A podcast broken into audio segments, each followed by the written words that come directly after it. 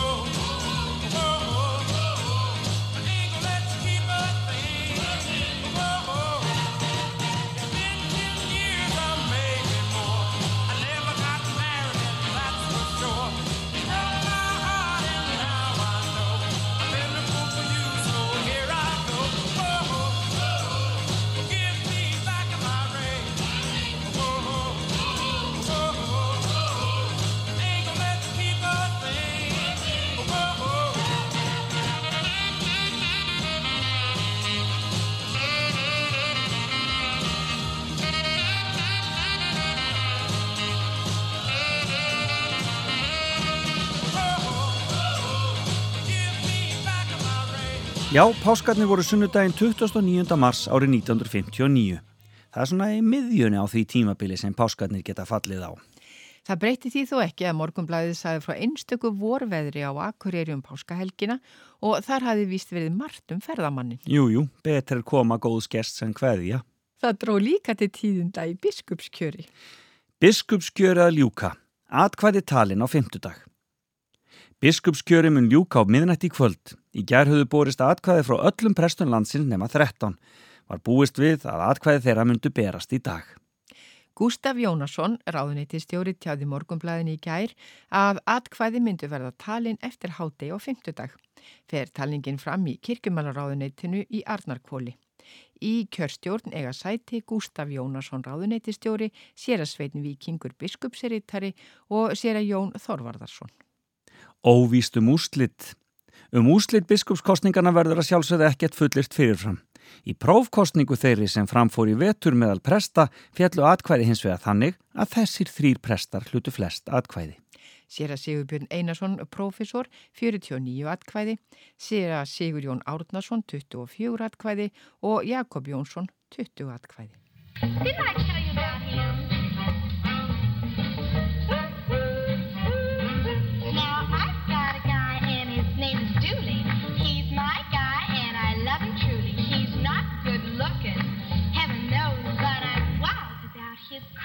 clothes he wears, jet shoes with pink shoelaces, a polka dot bib and that old man he wears, jet shoes with pink shoelaces, and a big Panama with a purple hat band.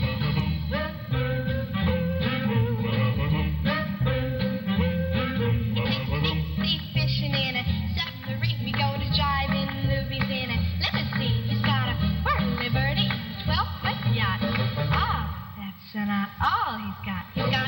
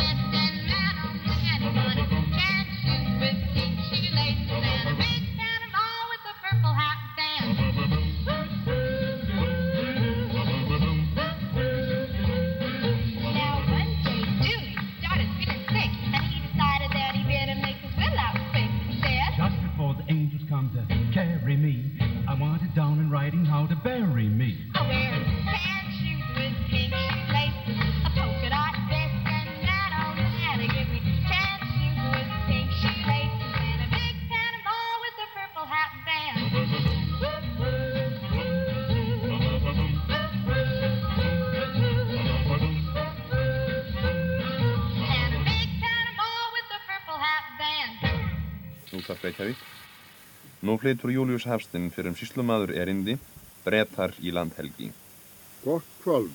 Tíð er gamat, talsháttur sem segir, allt er þegar þrætt er. Þess vegna var það ekki alveg að ástæðuleysu að íslenska þjóðin í sér hug detta að brettar hættu vendun veiði þjófana í landhelgi Íslands eftir að hafa orðið sér jafn átakanlega til skammar eða herskip þeirra við tökur landhelgisbrjótana Pæntur í oktober, Haknes í november árið sem leið og Valafell uh, sunnudaginn 1. februar síðastliðin sem raun ber vittni um. Þessum landhelgisbrótum ennsku tógarana skal ekki freka líst hér. Þau eru alþjóð kunn. Láta mun þó næri að ólöglegust og anstíkilegust hafi verið framkomið herskipsins Ryssel sem stöðvaði varskipi Þór frá því að taka þrjóttinn Haknes sem staði var að broti á, landhel, á landhelgislaugjöfinni 2,5 sjómínur á landi með því að hóta varskipin að skjóta það í kaf. Þetta hafa svo brettar kallað að fara með málið eftir diplomatískun leiðum sem urði enn auðmari þegar til Englands kom Því strax og ríkistjón Íslands krafiðist þess að skipinu yrði aftur síl til Íslands og málið það rannsakar og dæmt, skaut ríkistjónin enska sér bakvið útgjörðað félag tógarhans og tilkynnti að Hagnes væri sjálfur eða horfi.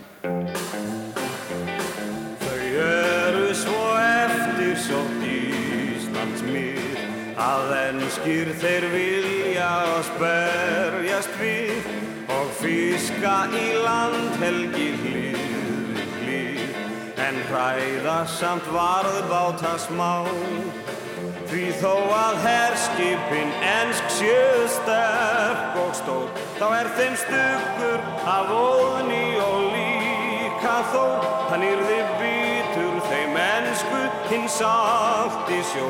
Ef síldi albert af krafti á þá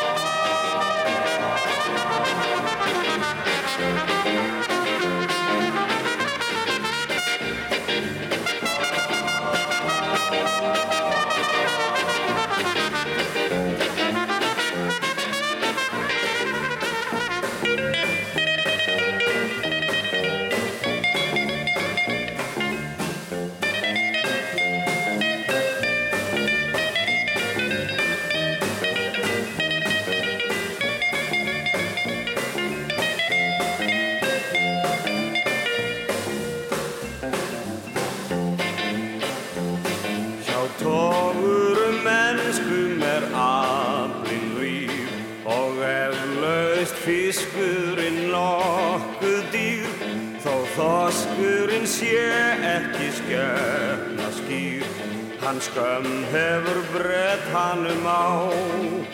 Og þó að karlarnir verjist með krókstjökkum Og séu kringdir af viðbúnum herskipum Og hendi okkur kartöflum og nýtum Innan við tólmílur gómum við þá.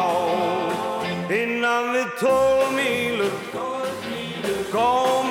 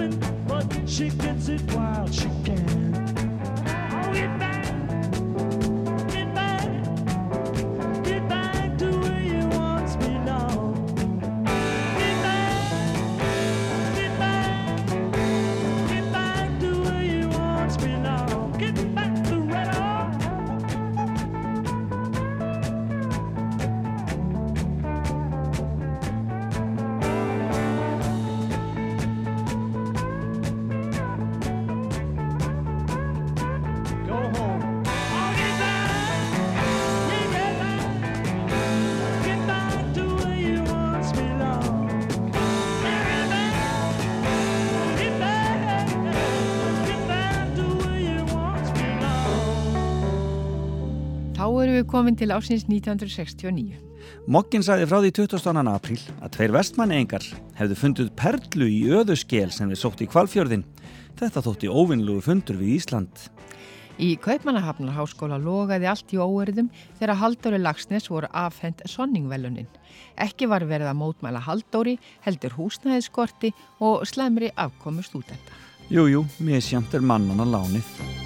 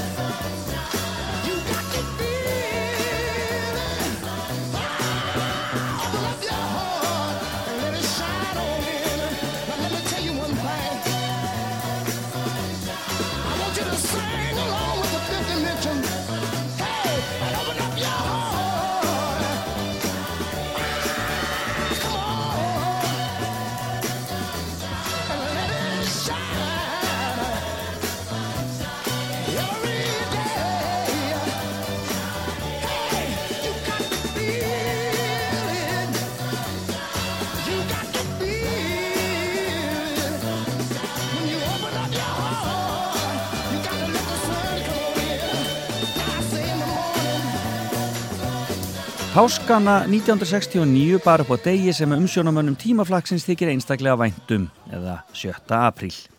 Einhvern veginn grunar okkur að þetta hafi verið umræðefnið í páskabóðunum í höfuborginni. Vísir 8. apríl 1969. Sakadómur lagði hald á öll vínföng næturklúpana, vínið væntanlegt sönnargagn í dómsaransókn. Sakadómur gerði næturklúpunum í borginni heimsókn þá gleðin stóð þar hæst aðfara nótt skýrdags. Fóru fulltrúa sakadóms á alla nætuklúpana sem er orðnir fimma tölu og lögðu hald á allt vín sem þar var geimt. Menn heldi þó því sem þeir voru með í glöshónum. Þessar aðgerðir er að sögn Hreins Sveinssonar, fulltrúa sakadómara liður í dómsrannsókn er lagt hald á vínföngin sem hugsanleg sönnunagögn í málinu. Sakadómur fekk lögreglaðastóð við þessar aðgerðir á sumur stöðunum vegna þess hver fjölment varðar en þessar aðgerðir fóru þó fram án átaka að því er vísir best vissi í morgun. All mikið magna víni var til staðar á öllum stöðunum, misjaflega mikið þó á hverjum stað og höfðu fulltrúar Sakadóms burt með sér þaðan all marga kassa af hverskins víni. Að frekara aðgerðum að hálfu Sakadóms Reykjavíkur er ekki að frétta en rannsók stendur sem kunnugt er, er yfir á rekstri þessara staða og er hún all umfangsmikil að sögn fulltrúa Sakadóms. Hins vegar halda klúbarnir starfsemi sinni áfram meðan dóms er beðið yfir þeim. Var margt fólk á þessum stöðum um páskana. Væntanlega skilaðir miklum ágóða þar sem hver sjús tvöfaldur er seldur á 100 krónur og brauðsneðar á sama verði. En engin söluskattur er borgaður af sölunni nýja heldur skemmtanaskattur. Jú, jú, sjaldan hlýtur hikandi happ. Þú ert alveg svona nýræður. Alltaf þrái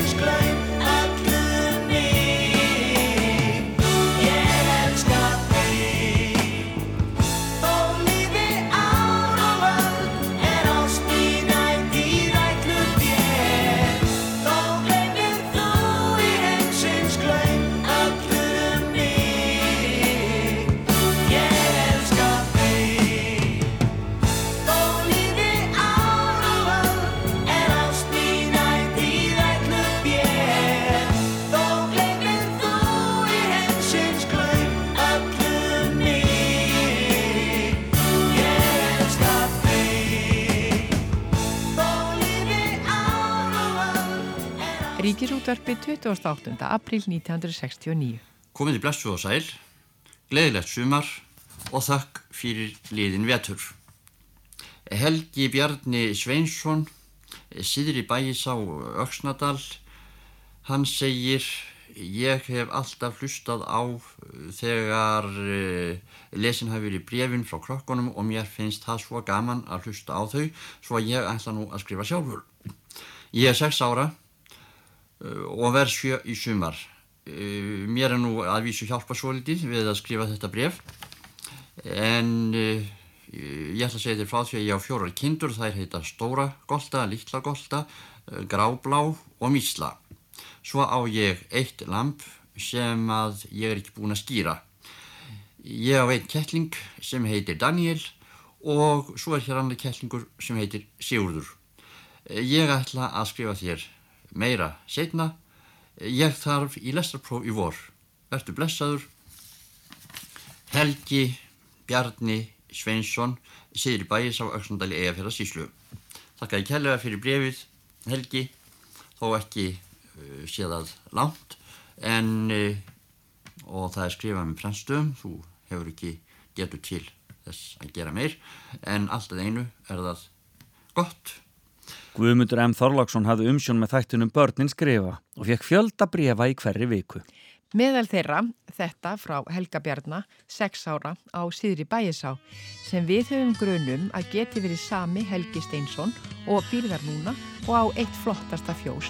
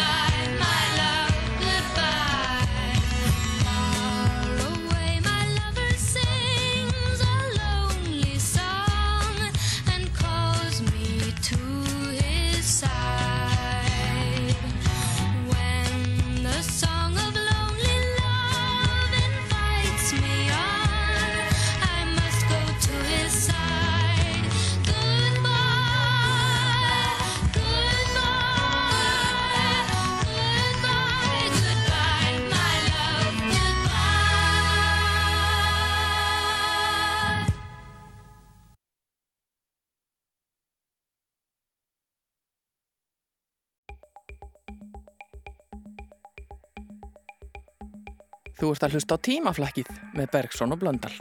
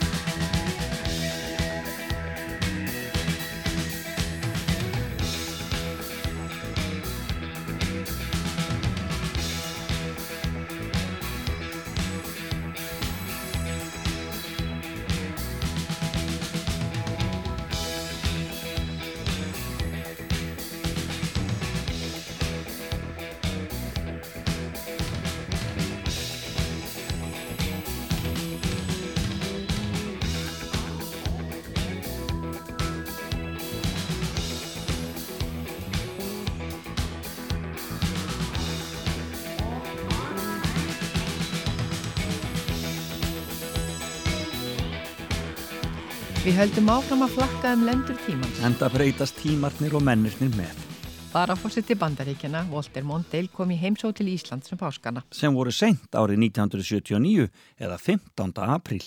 Mondale flutti kveðju Kartes fórseta og var svo rétt fókin upp á fjöll í rókinu sem hann uppliði á þingvöllum. Já, já, bara svona ef einhver er að kvart yfir veðri, kannski rétt að rifi upp hvernig ástandið var árið 1979.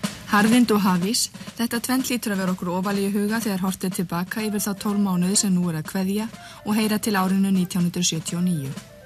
Var árið þið kaldasta síðan 1892. Í marsmánuði hlýnaði nokkuð í veðri og vakti það vonir margrum að vor var í lofti, en því fór fjarrri. Nær hefði verið að segja þá hafi hinn eiginlegi vetur verið að byrja. Hafísinn hinn forni fjandi lónaði norður að landinu og hinn 20. mars var komin hafís fyrir allir norður og norðausturlandi. Á Þórsöf lokaði ísinn höfnin í heila sex vikur og fór þessi staður allra vest út úr hafís heimsóknin í vor. Fram eftir aprílmánuði hjælt ísinn áfram að gera fólki lífi leitt, þótt hann lónaði öðru hverju aðeins frá og skapaðist smá sama mikið ófremdar ástand á hafísveðinu, meðal annars vegna skorts á ymsum nöysingavörum. Þegar leiðað miðjum april skiptum vindátt og hreyfing komst á hafísin. Flesti mun hafa glaðst yfir veðraskiptunum nema helstu Walter Mondale var að fórseti bandaríkjana sem einmitt var startur hér í april. Hann hefði sennilega fremur þegi norðanáttina. Á lögbergi var svo kvast að vart var stætt og saði varafósitinn að hinn forni þingstaður vittist kjörinn til þess að halda fundi ef menn vildu hafa ræður þingmanna stuttar.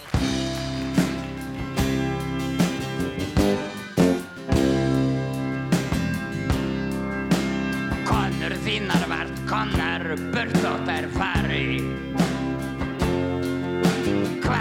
butterfly.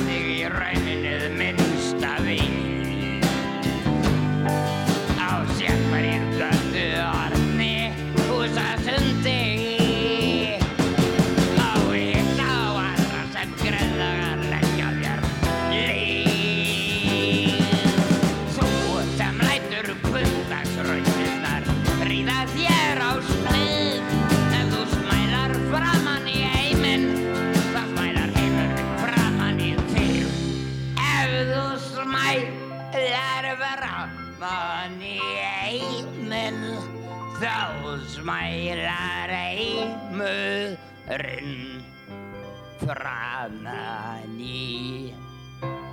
Þig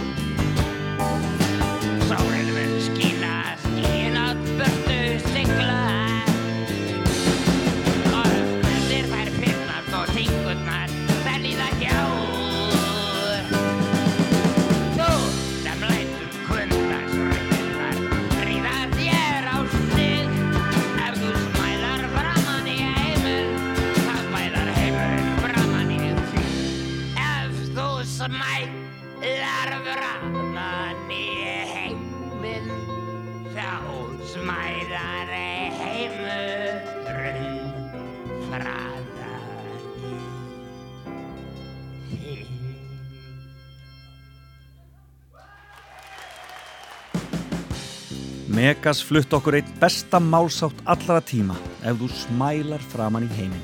Og má búast við að fleiri gullkott muni hljóta að vörum þínum næstu mínutunar? Já, þetta er nú einu sinni páskar og þeim fylgja málsættir því sinn er siður í landi hverju. Vísir 17. apríl 1979. Ölkeldu vatnið á markaðinn bann heilbreyðisráðuneytisins afturkallað. Mér er náttúrulega hard bannað að segja nokkuð um lækningamátt ölkeldu vatsins en það er óhætt að segja að í því eru mörg afskaplega holl steinefni og svo flúor. Svo mönnum er nú gefin kostur á flúoríku vatni en einmitt flúor innihald vatsins gerði það að verkum að það var bannað á sínu tíma. Sæði Stefán Jónsson frá Lísuhóli sem hefur nú aftur hafið framleiðslu á ölkeldu vatni. Stefán sagði að svo virti sem heilbríðisráðuneytið hefði bannað framleiðsluna í nokkri fljótfærni en það gerist í oktober 1977 en það hefði komið í ljós að ekki væri stætt á banninu og framleiðsla því leifð aftur. Ölkeldu vatnið er tekið úr 100 metra djúpri borhólu við Lísuhól á Snæfellsnesi og sagði Stefán að margir drikkiða sér til hressingar og teltu sig hafa gott af. Eftir að framleiðsla hófst á ný er vatnið í minni flösku með náður, 280 gram í flösku og mun það flúormagn sem í einni slíkri er vera talið algerlega hættulaust að lifja eftirlitinu. Stefán sagði að lokum að ekki væri ennkomin mikil reynsla á sölu ölkildi vatsins en margir hefðu spurt um það og sér virtist mikil áhugi vera á.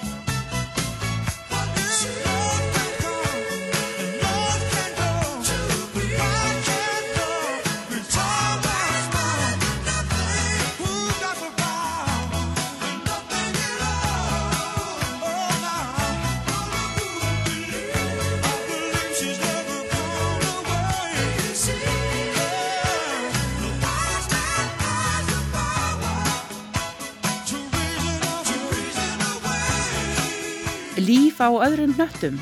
Nei, tískublaði líf er enn ekki orði svo útbreytt en haldi það áfram að markvalda vinsældir sínar og lesenda hóp, jafn, rætt og raunber vitni, verður þess vart langt að býða að blaðið hefji stórsókn út í geimin og leiti þar hófana á ókunnum stöðum. Meðal efnis í fyrsta tölublaði 79, vor og sumartískan, grístískan, undir og náttvatartíska og fleira, hárgreðsla og snirting, við Tóni Knapp og unnustu hans Helgu Sigvatsdóttur, Gunnar Örn myndlistamann, Dittu söngkonu, Dóru E. Bergmann sem lærir búningasaum í London, Herminu Benjaminsdóttur og fleiri, greinar eftir fjölmarka höfunda um kaffineslu, kynlíf með nýjum félaga og fleira. Hvernig var að vera 12 ára fyrir 14 árum? Kaupum líf, lesum líf, geymum líf.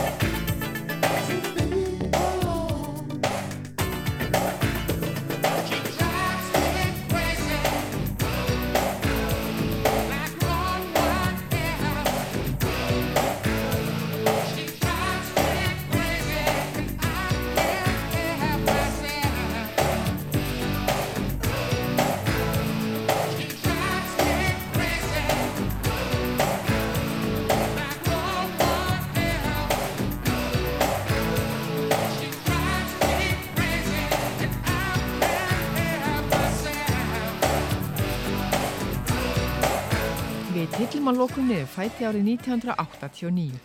Páskarnir voru 27. mars og í páskabóðum veldu menn fyrir sér nýlokinni söngvakefni Sjónvarsins sem færið þjóðinni eina framlag Íslands sem ekki fekk eitt einasta stig í Eurovision. Það sem enginn sér. Já, þetta lag Valgins Guðjónssonar í flutningi Daniels Ágústs var hlutskarpast en lagið sem heyrðist miklu oftar eftir keppnina var flutt af þeim Björgvin Haldósinni og Köllumarju. Já, því fáir taka svo á tjörunni og hún toll ekki við gómana. Sorry. Ég veit að þetta kemur sólega ekkert við þeim. Ég fannst þetta bara of góður málsáttur til að sleppa honum. Úti hamast heimsins stríð Hávær skall og nöpur ríð Lítið barn með léttan fót Svo glatt Leikur sér Brosir inn til mín Með gullin sín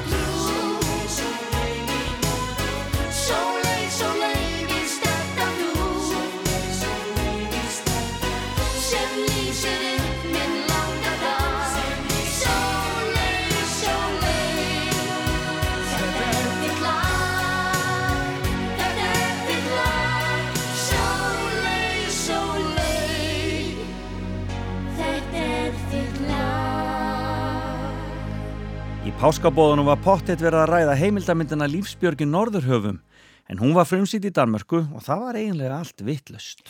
Morgunblaði 23. mars 1989. Magnús Guðmundsson á bladamannafundi í Danmörku. Viðbröð Greenpeace hafa auðveldað sölu myndarinnar. Danska ríkisjónvarstöðin TV2 hjælt bladamannafundi í Óðinsvíum í gær þar sem rætt var um mynd Magnúsar Guðmundssonar Lífsbjörgin Norðurhöfum og var höfundum myndarinnar viðstættur. Ef ég hefði séð fyrir öll lætin sem urðu vegna myndarinnar, þá hefði ég þjarmað enn betur að grænfyrðungum og látið að standa fyrir máli sínu varðandi falsanirnar, sagði Magnús meðal annars og bætti við að Greenpeace hefði auglist myndina meir en hann hefði nokkur tíman haft ráð á. Magnús sagði einnig að grænfyrðungar hefði reynda stöðvan í gerð myndarinnar áður en henni var lokið.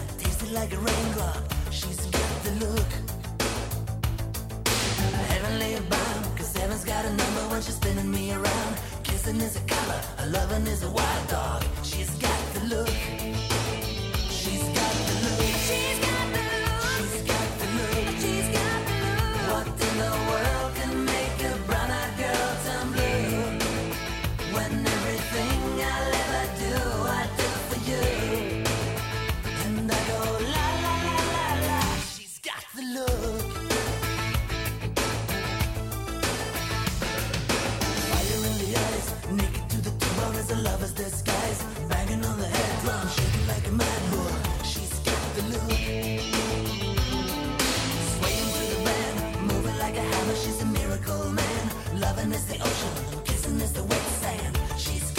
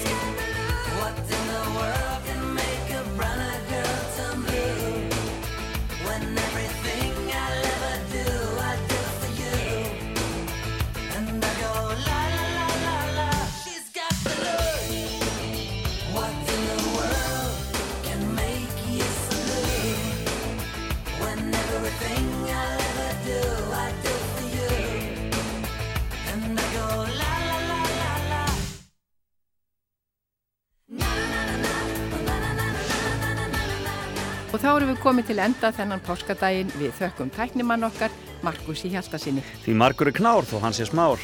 Og lesaranum Ardísi Björkar áskistóttur. Því allt er vænt sem vel er grænt. Við öllum svo áfram að byrja ykkur í næstu viku og leifum Madonnu að klára þetta. Já, er hún ekki á leginn til Ísrael?